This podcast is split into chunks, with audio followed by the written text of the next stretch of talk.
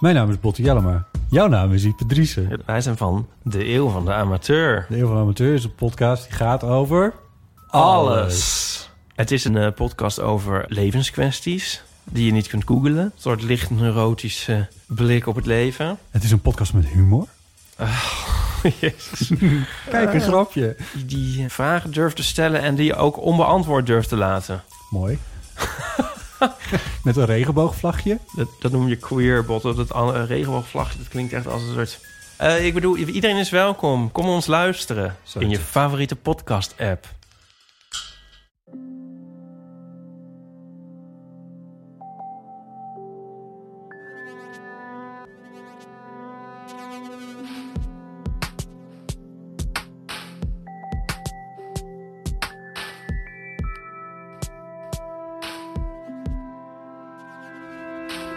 Hey, ik ben Pieter van Relaas.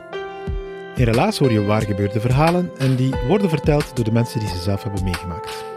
Deze week laten we een reisverhaal op je. Het is een wild avontuur van twee onbezonnen kerels op weg naar ergens. Maakt eigenlijk niet zo uit waar. Het wordt verteld door Reinhard. En ik vind dat er een ongelooflijke vrijheid en avontuur van dit verhaal straalt. En ik denk wel dat we je daarmee een plezier kunnen doen.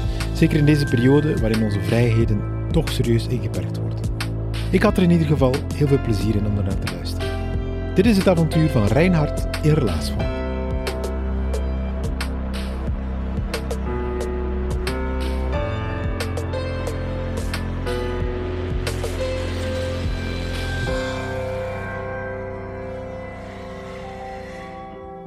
Het is de zomer van 2014 en ik ben met mijn goede vriend Dax aan het liften in Nederland met een bordje ergens. Want dat was wat we toen deden.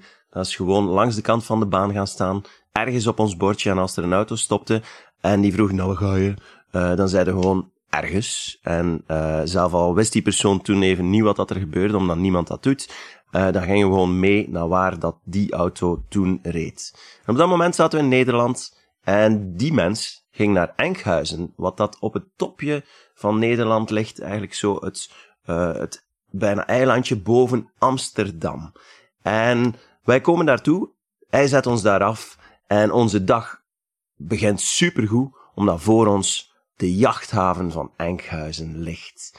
Vol met grote, mooie boten. En onze droom was altijd eigenlijk al geweest, is liften op een boot. En op dat moment zagen wij eigenlijk onze droom al helemaal uitkomen. Dus wat dat we doen is, wij lopen op die boten af en die zitten vol met Duitsers. Feestende jongeren, feestende mensen en we denken, ja, dit wordt de max. Maar de eerste boot is al een nein, nein, äh, Entschuldigung, äh, tweede boot is, nee, nein, dat is niet kan gebeuren. Uh, een beter Duits dan. En zo gaan we boot af, boot af, boot af. En uh, het zijn allemaal nines. Uh, totdat wij onze, onze droom eigenlijk lichtjes aan terug beginnen op te bergen en denken, maar dat is niet erg. Want we zijn in Enkhuizen en morgen liften we terug verder naar ergens. Dus wij wandelen terug richting het stad in de hoop op daar een verblijfplaats te vinden. En plots horen we achter ons ding, ding, ding, ding, ding. En een fiets komt dichterbij en er zit een vrouw daarop en die zegt, nou jongens, uh, als jullie uh, nog een verblijfplaats zoeken, ik denk wel dat ik uh, iemand ken. En denk ik, oké, okay, cool, leuk.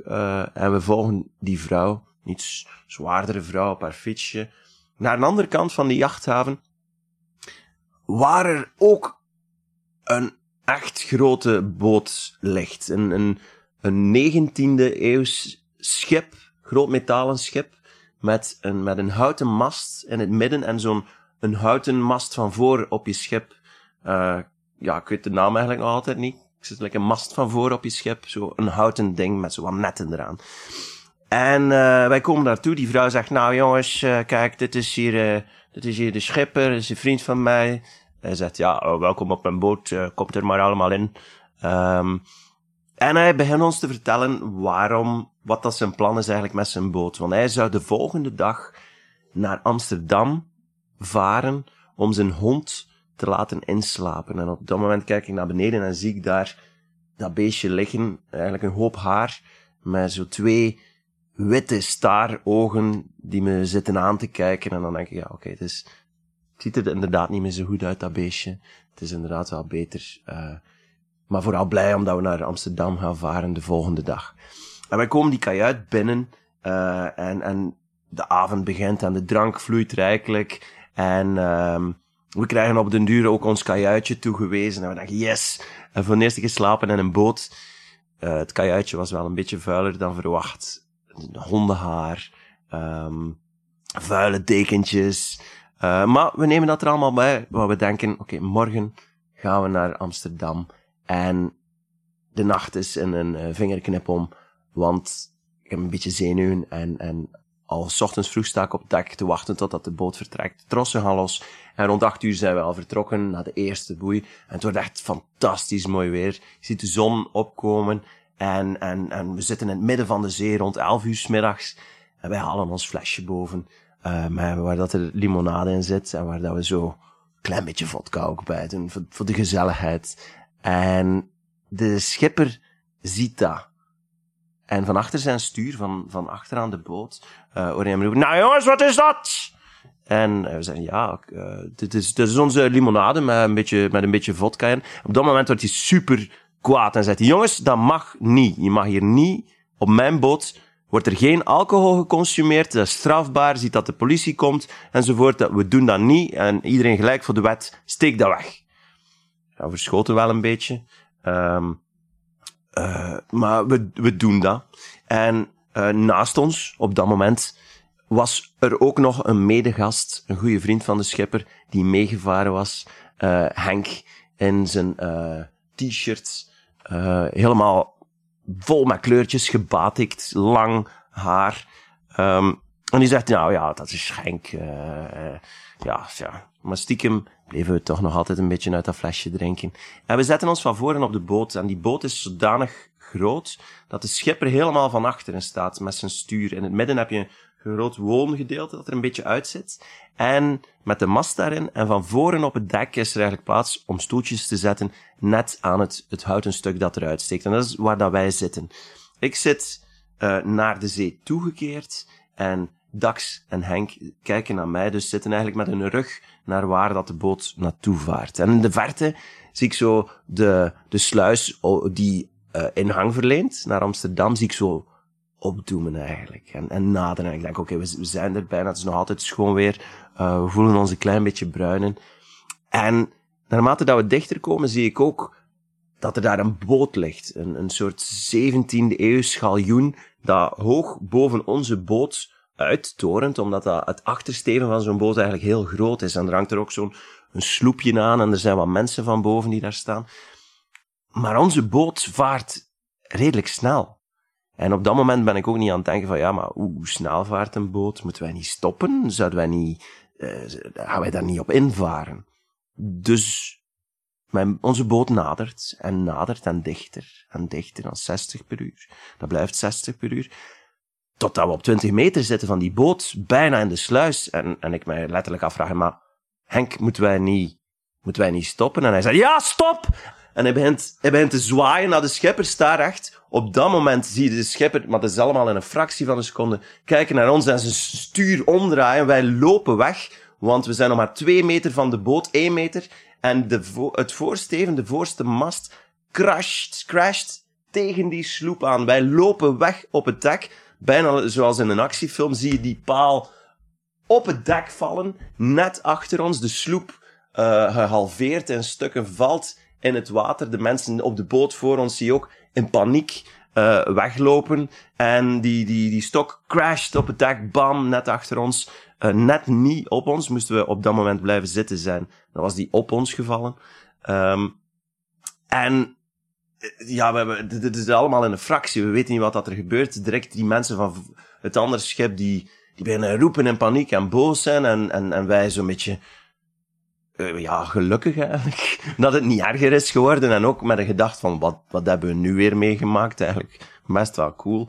Uh, on, ons schip komt er precies nog tegen. En ja, de, we, we gaan aan wal, wij wachten. De havenpolitie komt erbij, die nemen onze schipper mee uh, voor een ondervraging. Wat is er gebeurd enzovoort. Die komen ons ook snel enkele vragen stellen, maar die denken ook rap, want er zijn twee Vlamingen die aan het meeliften zijn op een boot. Dit is oké. Eh, en naarmate de middag vordert, wij wachten daar, drinken we natuurlijk nog een beetje meer. Eh, een klein beetje tipsy, heel gelukkig, eh, want we weten, kijk, vanavond zitten we in Amsterdam.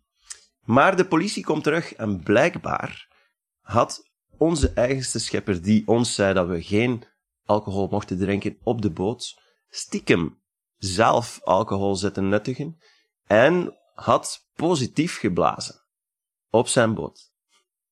En ja, voor ons was dat ook een verrassing. We dachten ook van, ja, wauw, wauw, Hoe, hoe kan dit nu gebeuren? Maar, goed. Uh, er is een veerboot die ons hier naar de kade kan leiden, samen met enkele andere mensen die daar ook vastzitten. Tof, wij gaan mee. En op het moment dat het veerbootje ons afzet aan de kade, is het nog drie kilometer wandelen naar Amsterdam. Wij denken, wat een dag. Dit kan niet meer kapot. Totdat we achter ons zo'n... Er komt zo een, een, bootje naast ons varen. Maar zo een bootje, ja, eigenlijk zo... Je kent die, die, die stoere politieboten die zo op zee in die actiefilms ook zo boven de golven zitten. Met zo een railing van voren waar je kan op gaan staan. Die komt naast ons varen en zegt... Nou ja, jullie waren toch die twee jongens van op die boot? Uh, ja. Zullen we even een lift geven naar Amsterdam? Ja, dan moet je niet twee keer over nadenken. Ja, doe maar. Hop. Wij de politieboot op. Uh, Dax in de kajuit bij die flikken. Ik op het dak van voren. Epic. Zonsondergang gewijs de uh, grachtjes van Amsterdam binnen.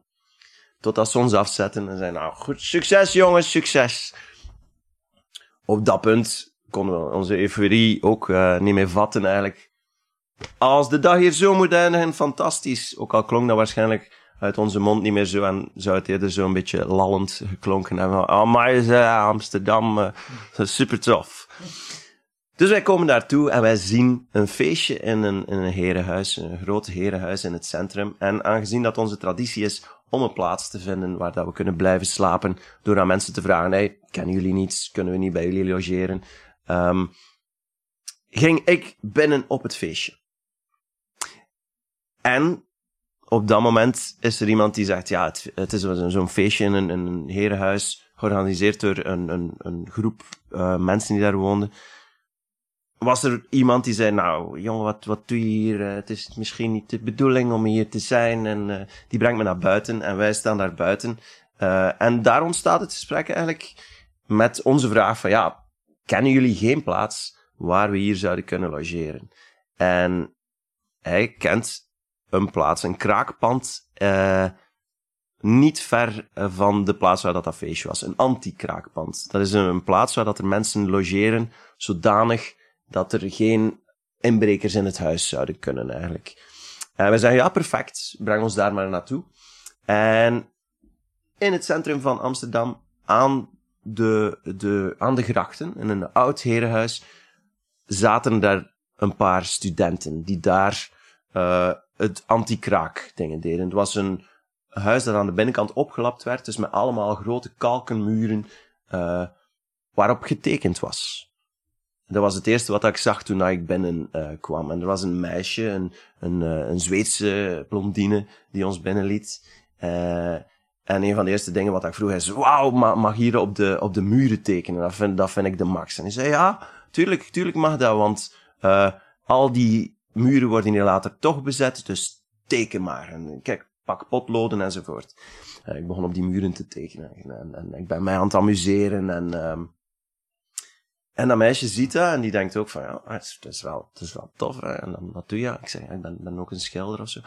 Ah, oh, dus, dat is, de max. Ja, oh, zo, zo, zo fijn zo, ja. En, en, en zo, zo naakt, naaktmodel, heb, heb je dat ooit alles gedaan? Ik ja, natuurlijk, ja, dus in onze opleiding krijgen we dat, krijgen we dat vaak. En, um, ah, want dat is eigenlijk altijd al zo stiekem mijn droom geweest om eens zo naakt getekend te worden.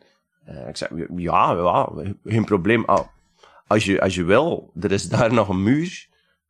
Zegt, ah ja, oké, oké. Uh, ik heb nog goede stiften en potloden liggen in mijn kamer. Ik ga die even gaan halen. En uh, ja, dan doen we dat hier, hè. Oké.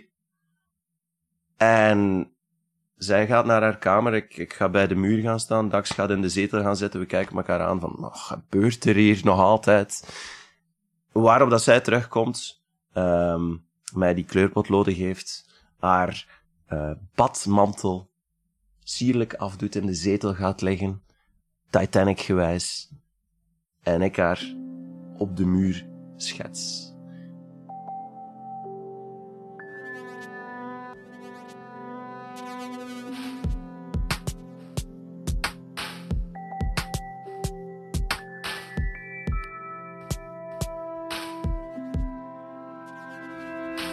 Dat was het relaas van Reinhard. Hij heeft het verteld aan zijn eigen voordeur, als deel van onze relaas voordeursessies. We komen dan langs bij jou thuis, veilig in het deurgat, om naar jouw verhaal te luisteren. En we hebben ook onze microfoon mee. En daarmee nemen we je verhaal op, om het dan in onze podcast tot bij jou te brengen. Als je zelf een idee hebt voor een verhaal, dan kan je ons dat altijd laten weten via onze website, relaas.be. Als we het idee goed vinden voor jouw verhaal, dan gaan we ermee aan de slag. Dan word je een coach toegewezen en die coach zal samen met jou stap voor stap dat verhaal vormgeven tot het beter en beter is en dat we het kunnen komen opnemen aan je voordeur of dat je het misschien eens binnenkort live weer kan vertellen op een van onze vertelavonden. En een paar dankjewel zijn zoals altijd op zijn plaats. Eerst en vooral aan het Relaas team, onze verhalencoaches, bestuurders, podcasters, zij die de vertelavonden organiseren. Dank je wel allemaal. Dank ook aan onze partners, dat zijn de afdeling cultuur van de Vlaamse gemeenschap en die van de stad Gent. Dank je wel ook aan onze vertellers. En ook dank je wel aan jou, onze trouwe of misschien wel nieuwe luisteraar. Laat eens iets van je horen. Een Facebookberichtje of zo, een mailtje. We missen jullie gezichten nu we geen evenement meer mogen organiseren. Het is echt waar, we missen jullie. Als je niet genoeg kan krijgen van onze verhalen, we hebben ook een boek geschreven. Je kan het vinden op onze website, je kan het kopen ook in de boekhandel, maar dat is minder voordelig voor ons, dus liefst via onze website. En in dat boek staan 20 van onze beste verhalen van de voorbije vijf jaar. Tot de volgende relaas.